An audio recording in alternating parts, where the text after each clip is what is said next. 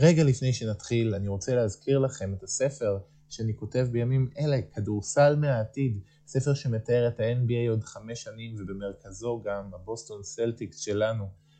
אם עוד לא תמכתם ורכשתם ספר בהדסטארט, זה הזמן, כנסו להדסטארט, תכתבו כדורסל מהעתיד, מבטיח לכם שתגלו שם דברים מדהימים. עכשיו לתוכנית.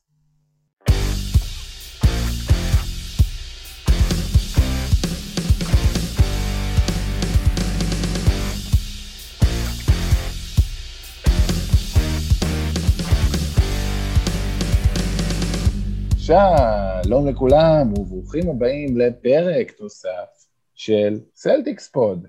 אני ינון בר שירה ולצידי דרור רס. מה שלומך דרור? בסדר גמור, רציתי לשאול אתכם משהו. כן, רגע, בוא נגלה גם שג'וני פה. אבל... אה, אהלן, אהלן. אהלן, אז בוא, מה רצית לשאול אותנו, דרור? היה לילה איזה שחקן חדש שאף פעם לא ראיתי משחק. אה, נכון, קטע. זהו. מי זה? אני לא מכיר אותו. אתם זוכרים איך כל דדליין, דני איינג' בוחר את הפצוע התורן ואומר, לא צירפנו אף שחקן, אבל אה, גורדון היוורד יהיה בעצם הצירוף הגדול שלנו בדדליין. אז אולי רומיו לנגפורד הוא הצירוף הגדול של הסלטיקס בדדליין הזה. אתם חושבים כך? לא, אבל, אבל היה, התחלה, היה התחלה מאוד מרגשת, עם הגג ועם השלשה מכדרור. בהחלט... שמע, הוא נתן שם הגנה, כן. לא ציפיתי. כן, היו לו איזה שתי דקות מדהימות, כן, אין ספק. מה שאמרת אגב מעלה לי איזשהו, איזושהי מחשבה, יכול להיות ש... שהסלטיקס לא בוחרים כל כך גרוע, פשוט השחקנים שלהם לוקח להם שנתיים שלוש להתפתח? כן, אני חושב שדיברנו על זה שהצוות, מה- מישהו בצוות הרפואי אה, עושה לנו סבוטאז'. כן, לא, אבל, אבל ת, תראו, גם, אה, גם אה, רוברט וויליאמס בשנה השלישית לראשונה, אפשר להגיד, גם היה לו כל מיני רגעים יפים בשנה הקודמת, אבל לראשונה לראשונה הוא נראה כמו שחקן חיובי מאוד, שתורם לניצחונות. לנגפורד, לך תדע. ושוב, זה, זה, ראינו בשרלוט שחק, שחקנים כמו טרי רוזיר, אז, אז בשנה, השנה הראשונה שלהם נראתה בערך כמו השנה של אה, ניסמית. כאילו, לוקח זמן לחבר'ה להתפתח. אז יכול... אז זה ידוע, בבוסטון זה עובד ככה. שנה ראשונה משחקים במיין או פצועים, ואז שנה שנייה אומרים, לא ראינו אותם, שנה ראשונה לא היה כלום, חכו, חכו. אין יותר מדי משהו, כי זאת השנת רוקי בערך. ואז שנה שלישית, אולי.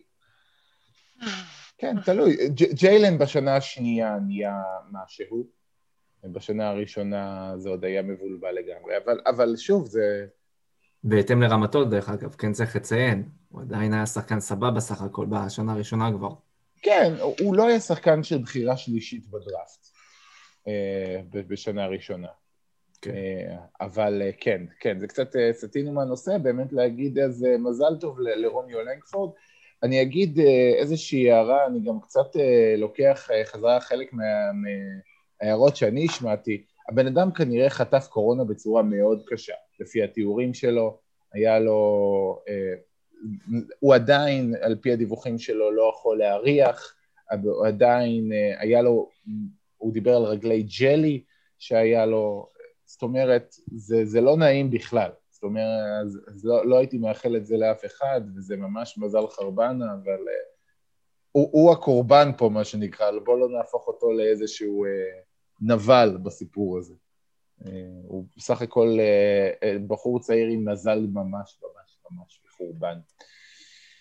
אבל, אז מה כן היה לנו? זה התחיל השבוע בצורה מתסכלת במיוחד, עם שני הפסדים, כל אחד מהם נראה כמו תמונת מראה, אה, מול קבוצה אה, כמו פליקאנס או כמו המבריקס, שיש להם כוכב אחד גדול, אה, כמו זיון או כמו לוקה, מתחילים בפיגור מזעזע, חוזרים לקאמבק הירואי רק כדי להפסיד 3-4 הפרש, ו... וזה באמת היה נראה... אני חושב שהתחושה אחרי ההפסד למאבריקס הייתה שדי העונה הזאת כבר אבודה,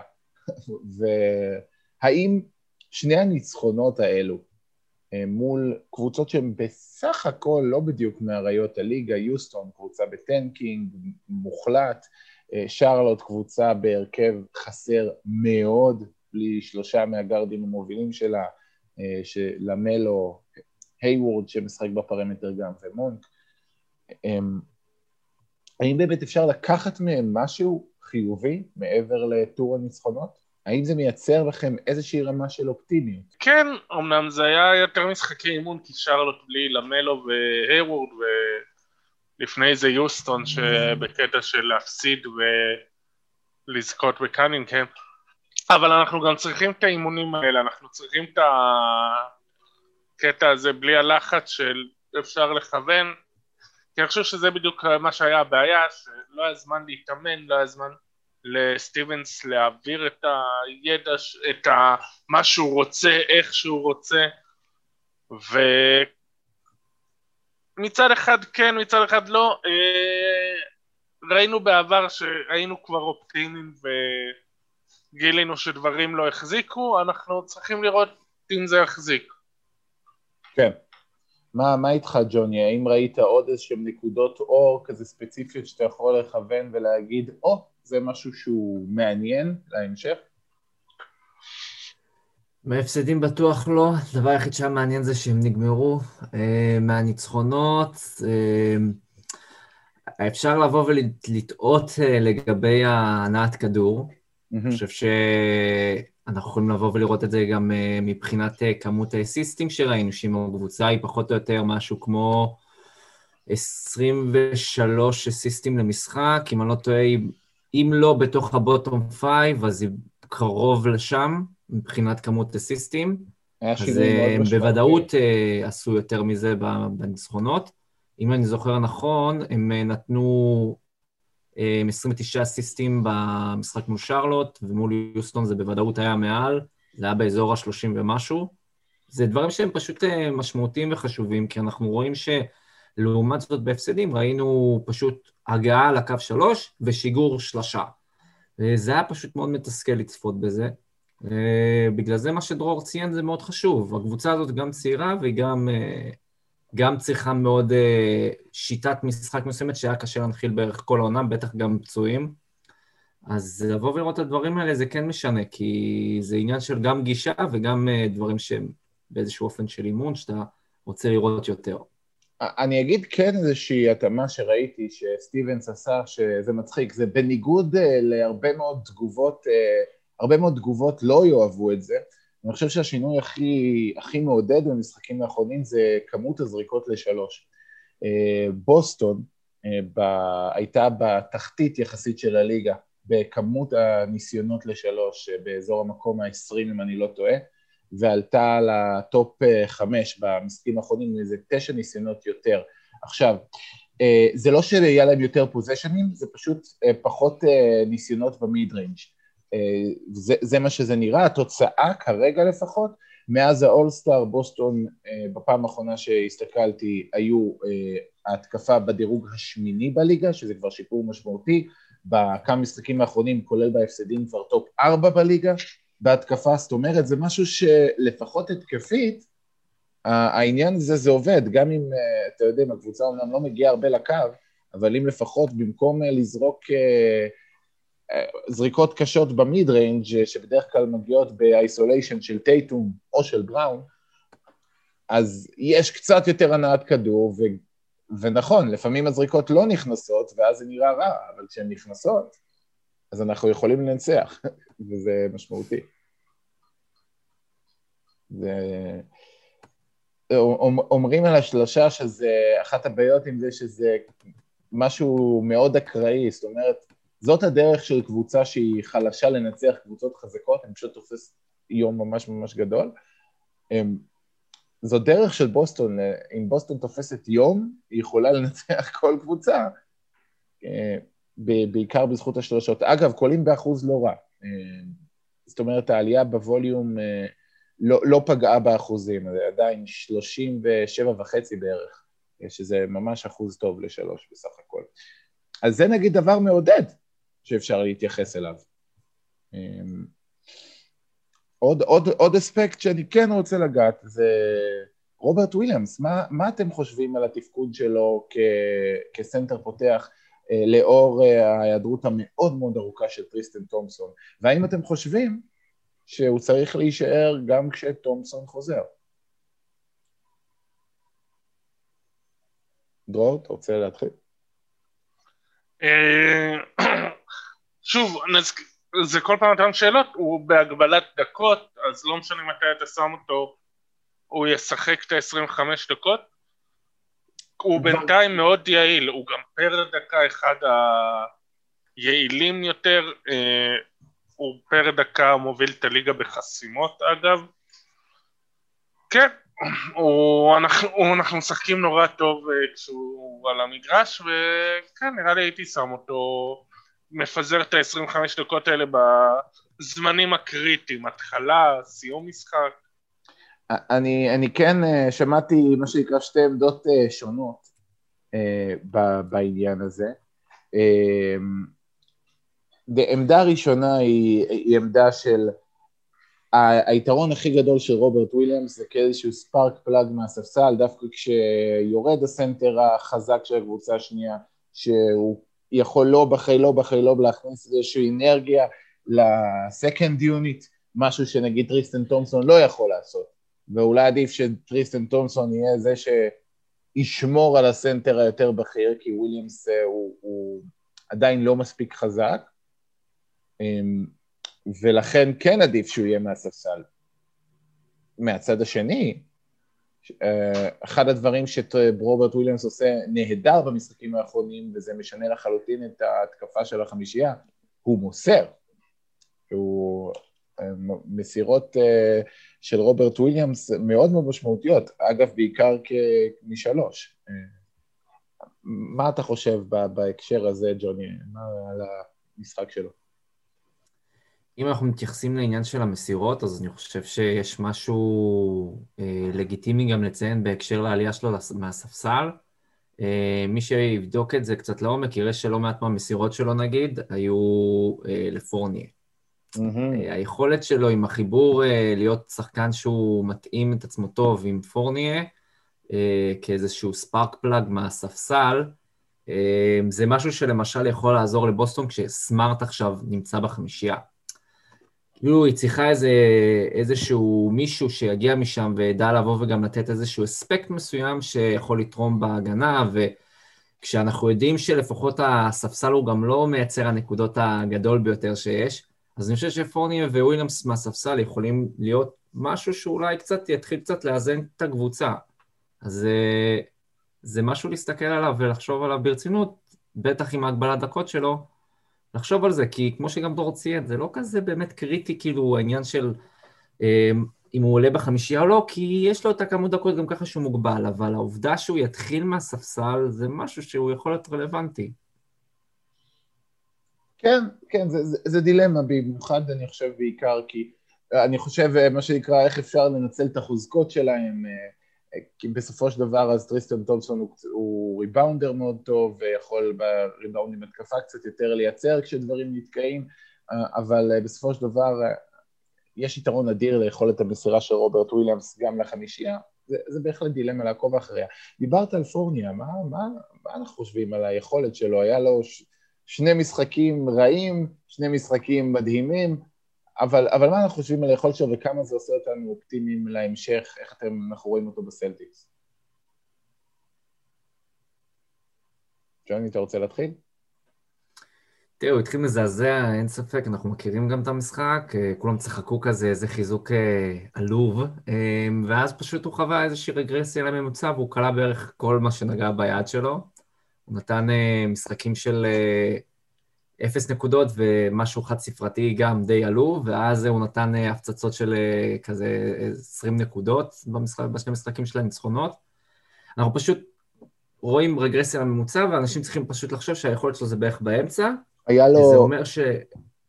זה אומר פשוט שיש פה שחקן אה, לגיטימי מהספסל שיכול לקלוע כמו שצריך, ואם הוא מתחומם, אז זה נראה מעולה. אמ, זה אפילו מה שקצת מרגיש שחסר נגיד עכשיו, כשקמבה כל הזמן בהון אוף כזה, אמ, זה משדרג את הקבוצה.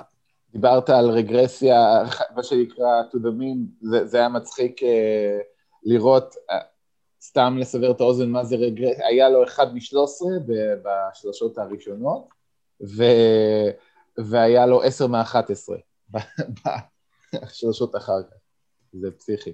אמ, מה אתה חושב, דרור? אתה, אתה רואה אותו, אגב, משתלב כשחקן שהוא גם ב closing lineup שלנו, או שזה יותר איזשהו spark plug בין ה... כשבראון וטייטום נחים? אה, זה למה הביאו אותו, לתת עוד כליאה מהספסל, הלילה הוא עשה את זה. בשביל זה אין, אה, אין פה משהו, זה מה שהביאו אותו, הלילה הוא סוף סוף עשה את זה. כן. זה, זה כן יהיה דילמה במיוחד בהמשך עם אה, מרקוס סמארט, כי בסופו של דבר אני מניח שלא נראה הרבה הרכבי קמבה סמארט פור נהיה טייטום בראון, זה קשה לי להאמין. יהיה דילמה בסופו של דבר, במה שנקרא בהרכב המסיים, הרבה פעמים, האם אנחנו רוצים אה, לוותר על ההגנה של מרקוס סמארט, בשביל שאולי אותה כליאה, כששומרים חזק על טייטום ושומרים חזק על בראון והם צריכים לשחרר כדור, אז יש יחכה להם פורניה שם ולא, ולא סמארט. שזו דילמה רצינית במאני טיים, אני חושב ש... לא, אני מעדיף את סמארט. כן? גם בסיטואציה כזו? כן. בגלל ההגנה? הוא לא מפשל כל כך. הוא לא מפשל כל כך במאני טיים, אבל uh, אני חושב שבעצם עצם העובדה שיש דילמה כזאת זה חיובי. כן. בוא נגיד כן. את זה ככה. שוב, לא מפשל כל כך, הוא דווקא השנה, היה לו הרבה מאוד משחקים, שוב, גם בעיקר ב... שהוא לקח את הזריקה האחרונה והחטיא אותה, שוב, במיוחד השנה, לא חושב שהוא קלע במאני טיים שום דבר, אבל כן, אני, חושב, אני, כן, אני כן חושב שזה משהו לחשוב לגביו. לגבי החמישייה הפותחת, אני חושב, אני מניח שזה יהיה עדיין סמארט, זה מאוד הגיוני, אבל uh, הרכבים מסיימים, אני לא בטוח שזה בהכרח uh, אומר. Uh, אני רוצה לחזור, במיוחד uh, ברגעים הקצת יותר אפלוליים של השבוע, uh, כשהייתה תחושה שזהו, uh, למה אנחנו לא עושים tanking ודי, אז עלו הרבה מאוד טענות לגבי האשמה של ברד סטיבנס. דני איינג' התראיין גם בהקשר לזה, הוא דיבר על, הוא, על זה שלדעתו סטיבנס לא אשם במצב, ומאמן כמוטיבטור, זה overrated. האם, עד כמה אתם מסכימים עם איינג' או שזה איזשהו ניסיון, מה שנקרא, להגן על ברד? זה גם וגם. אה, מניח שהוא מגן על uh, סטיבנס, ואמרנו כבר ל... שברור לנו שחלק מהעניין זה שהעונה לא היה אפשר להתאמן, אי אפשר להתאמן במהלך העונה, אז, ואנחנו יודעים שהסכמות של סטיבנס הן מאוד יעילות, אבל הן דורשות קצת אימונים, והוא לא יכל להנחיל את זה, זה חלק מהבעיה, אבל עדיין, אה, סבבה, מה לא, מה לא. אה, תגיד לנו מה כן. אה, כן יש איזושהי בעיה איפשהו, ואוקיי, אז מה אתם עושים עם זה? כן, אז אה, אנחנו רוצים אה, לטעות, האם אתם אנחנו חושבים שסטיבנס יכל לעשות דברים אחרת בהקשר של הנרפות אה, של השחקנים, והתחושה הזו, הייתה מין תחושה כללית אחרי ההפסדים האחרונים ש... חבל שזה פודקאסט ואנשים לא רואים, שנשים עושים את התנועה הזו של כאילו פושטים ידיים לצדדים, שוואלה, אין לנו, אין לנו מושג מה, מה, מה קורה ולמה אנחנו כל פעם אומרים ש, שנשתפר וזה פשוט לא, לא מתרחש. אה, האם יש משהו שמאמן אחר אולי יכל לעשות? משהו שאתם רואים שקצת התפספס בהקשר הזה?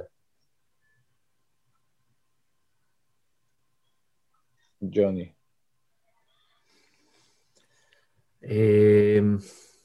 אפשר לבוא ולטעון שפשוט אה, ברגע שאתה מבין שאין לך כל כך משהו לעשות במהלך העונה, אז צריך לבוא ולחשוב על איזושהי אלטרנטיבה מסוימת, מה אתה עושה בהתאם לזה. אני חושב שאנשים פשוט מרגישים שקצת חסר להם איזשהו...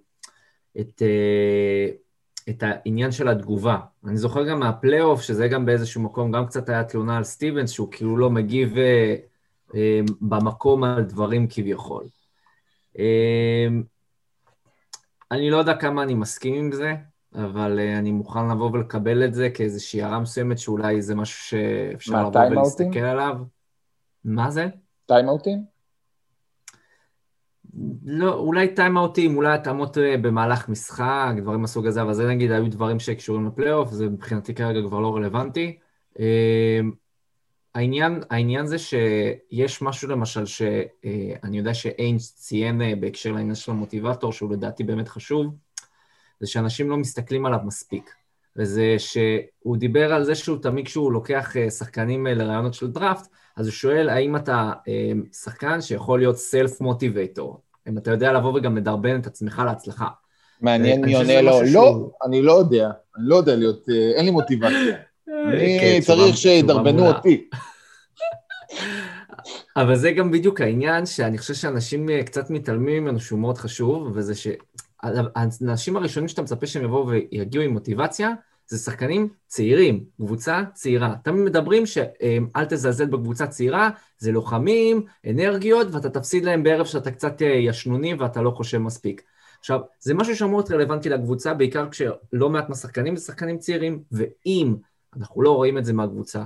אני לא יודע כמה אני כאילו תמיד בא בהאשמות למאמן. כאילו כל משחק הוא צריך לבוא ולמשוך שחקנים צעירים שמחפשים את ההזדמנות שלהם, לבוא ולעשות עם עצמם משהו, זה מרגיש לי שזה פשוט לא בהכרח עונה כאילו כעניין המוטיבציה. אני לא יודע אם זה משהו שהוא overrated, אבל אני לא בטוח שזאת בהכרח הבעיה.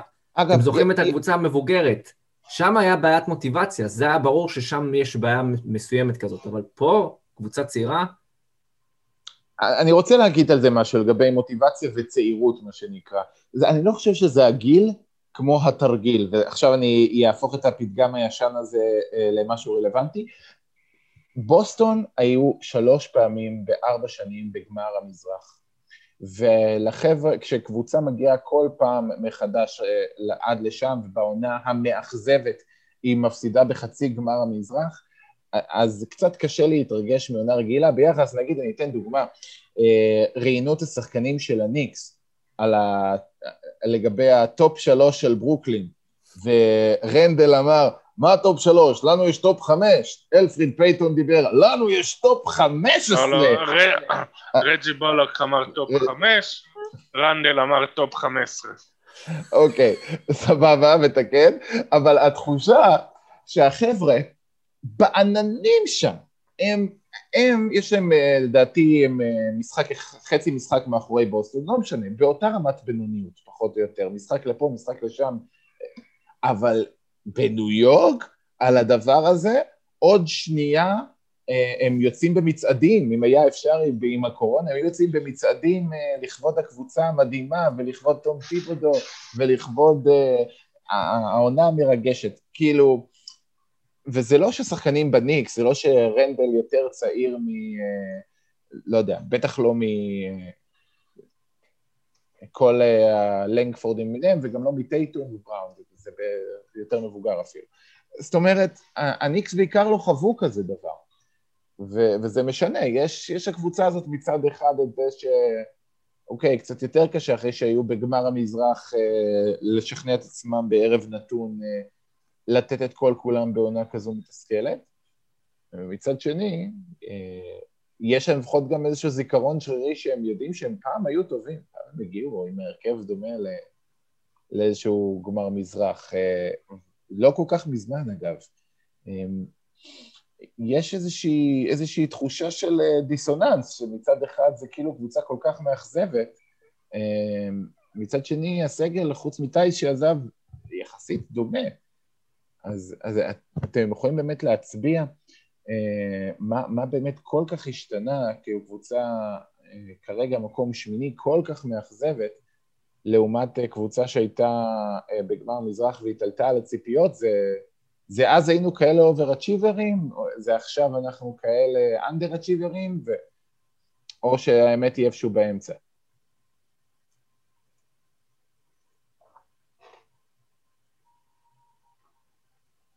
כן, ג'וני.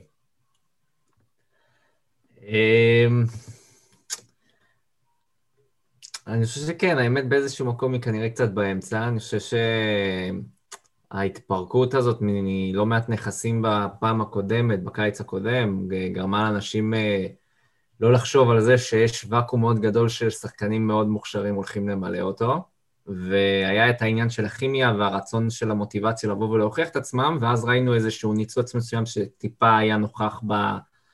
בעונה שהייתה לפני שנתיים מאותה נקודת זמן, ופשוט אה, אם היה קצת יותר אולי איכות של כישרון ולא היו נשענים על רק top talent, אז אה, אין לדעת. אבל העונה הזאת, יכול להיות שמה שאתה מציין הוא לגיטימי, ויש גם עוד דברים, יש את העובדה שאתה כבר מאבד כבר כל כך הרבה שחקנים מהעומק שלך, שכבר אין לך איך לחפות על זה. אתה יודע, אתה מפסיד את, אה, אתה מפסיד את קיירי ארווינג, אז נגיד הבאת את קמבה ווקר, בסדר, אבל אתה מפסיד גם את מרקוס מוריס, אתה מפסיד גם את אל הורפורד, וגם את טרי רוזיר, וגם את גורדון היוורד. וגם את קמבה ווקר. אתה מפסיד גם את קמבה ווקר. וטכנית, נכון, כן. טכנית גם את קמבה ווקר. אין לך מענה לזה. אה, טייטום חסר פתאום בגלל קורונה, בראון חסר פה ושם בגלל העניין של ה maintenance עם הברך. זה דברים שמשפיעים. אה, אנשים אה, צריכים להבין את זה.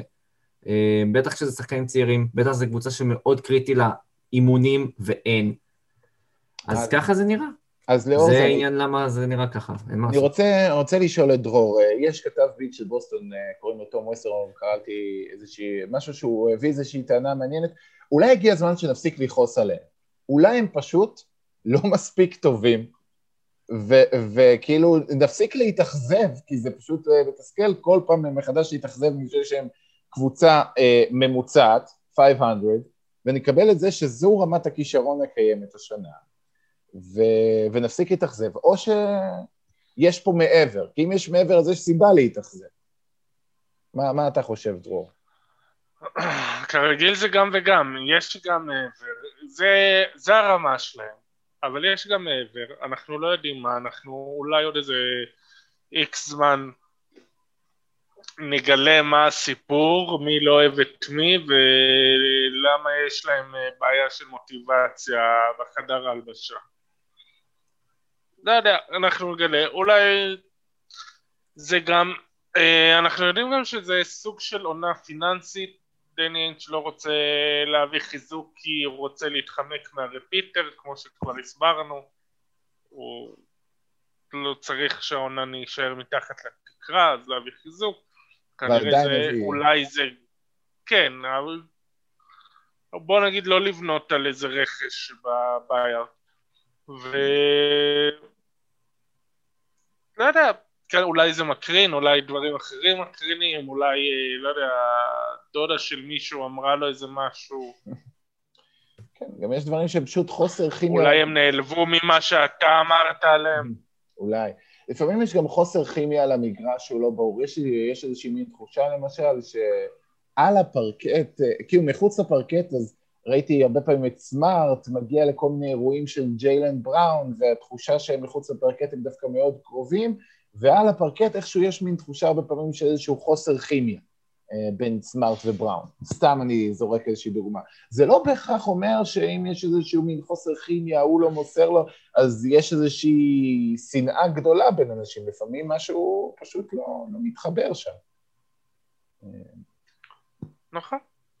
אז אה, לאור הדברים האלה, לאור האופטימיות הקלה מההתקפה והייאוש הגדול מאיך שהעונה התנהלה עד עכשיו. איך אתם רואים? יש לנו בסך הכל, אה, זה עבר מהר, הזמן טס שסובלים, אבל יש לנו בסך הכל עוד 22 אה, משחקים עד סיום העונה. איך אתם רואים את המשך העונה מתנהל? האם החוסר יציבות כאן להישאר, או שנצליח לייצר איזשהו מומנטום אה, שיוכל להביא אותנו, כי, כי המקום הרביעי במזרח עדיין אפשרי מאוד. גם המקום העשירי, אבל אה, האם אתם, אה, לאיפה אתם חושבים אנחנו יותר קרובים כרגע, מבחינת אה, יכולת, מבחינת המקום בו אנחנו נמצאים? אם יש משהו שאני למדתי מהלימודים בסטטיסטיקה, זה שככל שהנתונים שלך יותר מעורפלים ומבולבלים, יש לך יותר קושי לבוא ולחזות מה יקרה קדימה, בסדר? ואם אני אקח את זה אפילו עוד צעד אחד קדימה, קבוצות שהן טובות וקבוצות שמגיעות רחוק, זה קבוצות שבסופו של דבר משהו שגם מאוד בולט אצלן, זה יציבות. Mm-hmm. אין לנו את היציבות הזאת, אמ, גם לא כרגע, גם לא אחרי שתי הניצחונות האלה, שמבחינתי, כמו שאמרתי, רגרסיה הממוצע, זה סוג של תיקון לשני הפסדים מקודם. אנחנו צריכים פשוט לראות איזושהי יציבות מסוימת ביכולת המשחק לשבוע אחד, שלא נגיע לאיזה פוד, ואז פשוט היה ככה וגם ככה, אז אנחנו עדיין באותה נקודה. זה כמו, כמו איזה ריקוד כזה. אז זה לא באמת אה, משהו, ולפחות נכון לעכשיו, כל עוד זה ממשיך ככה, שזה העבר שלנו, ואין לי איזה שבוע להסתמך עליו שכולו יציב באופן חיובי, אני לא רואה תחזית שמראה שמשהו הולך פה להשתנות, גם עם פורניה. דרור? Uh, כן, בגלל מה שהוא אמר, uh, לא הולך להשתנות יותר מדי, אני כן חושב שאנחנו בנויים טיפה יותר טוב, אז דברים יהיו פחות גרועים. לא צופה לנו הצלחה גדולה מדי, כאמור אנחנו הולכים לסוג של עונה פיננסית. הכל טוב. לא אה, לצפות יותר מדי, אבל בסדר. אוקיי, אני אוסיף עוד איזשהו נדבך קטן, שוב הדברים האלה הם לא בהכרח אומרים המון, אבל לפעמים זה כן איזושהי אינדיקציה.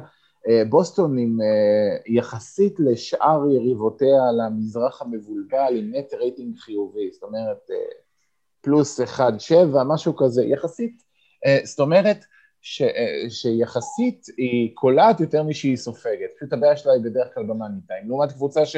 כרגע עוד לפניה בטבלה שרלוט, שעם net rating הרבה יותר שלילי, אה, זה שלוש נקודות פחות, אה, שפשוט היו פסיכיים בקלאץ', במיוחד טרי רוז'יר. אה, לרוב זה אינדיקציה שבהמשך, כאילו כל המודלים המתקדמים חוזים שבוסטון כרגע יהיו במקום רביעי.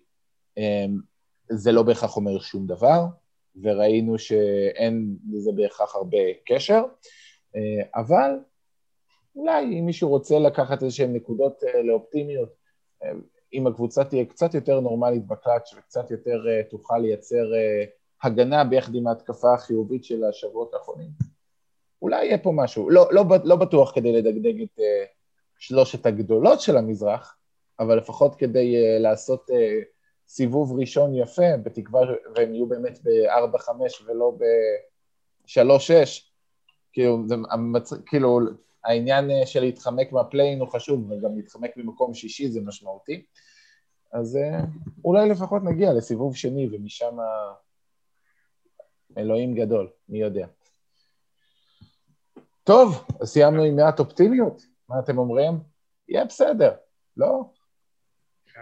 כשהם יאזינו לפוד, מי אתם חושבים ניצחו? גונזאגה או ביילור? גונזאגה. מה אתה אומר, ג'וני? אני אלך עם דרור, אין לי באמת מושג יותר מדי. אני... אבל uh, בהתאם לכלייה המטורפת, אז אני אומר אין. כן, uh, מת על גונזאגה ועל סאגס. אני אגיד שזה פשוט אדיר שיש שחקן שמשחק כמו דונובין מיטשל, נראה כמו דונובין מיטשל, וקוראים לו דביאן מיטשל בביילור. וזה כאילו, זה פשוט קורע מצחוק. איך, אני לא יודע איך קרה הדבר הזה, אבל זה כאילו חיקוי מושלם שזה הזוי בכלל. אבל uh, אז אה, זה איזושהי סיבה מצחיקה. אגב, זה יפה שאמרת שאתה מת גם על גונזאגה וגם על הזאגס. וגם על... אה, על המה? אמרת גם גונזאגה וגם על הזאגס. אה, אה, סאגס, אוקיי. טוב, בסדר. אז... שזאג זה הכינוי של גונזאגה, למי כן, שלא הבין. כן, כן, בסדר. טוב, אז יאללה גונזאגה, בהצלחה לחברים שם, ושיהיה לנו המשך מקסים. ובינתיים, אה, תודה רבה לך, ג'וני. תודה רבה לכם. תודה רבה לך, דרור. תודה לכם. אני הייתי בר שירה, ואנחנו נתראה אחרי החג בעוד פרק נוסף של סלטיק ספורט. יאללה ביי. ביי.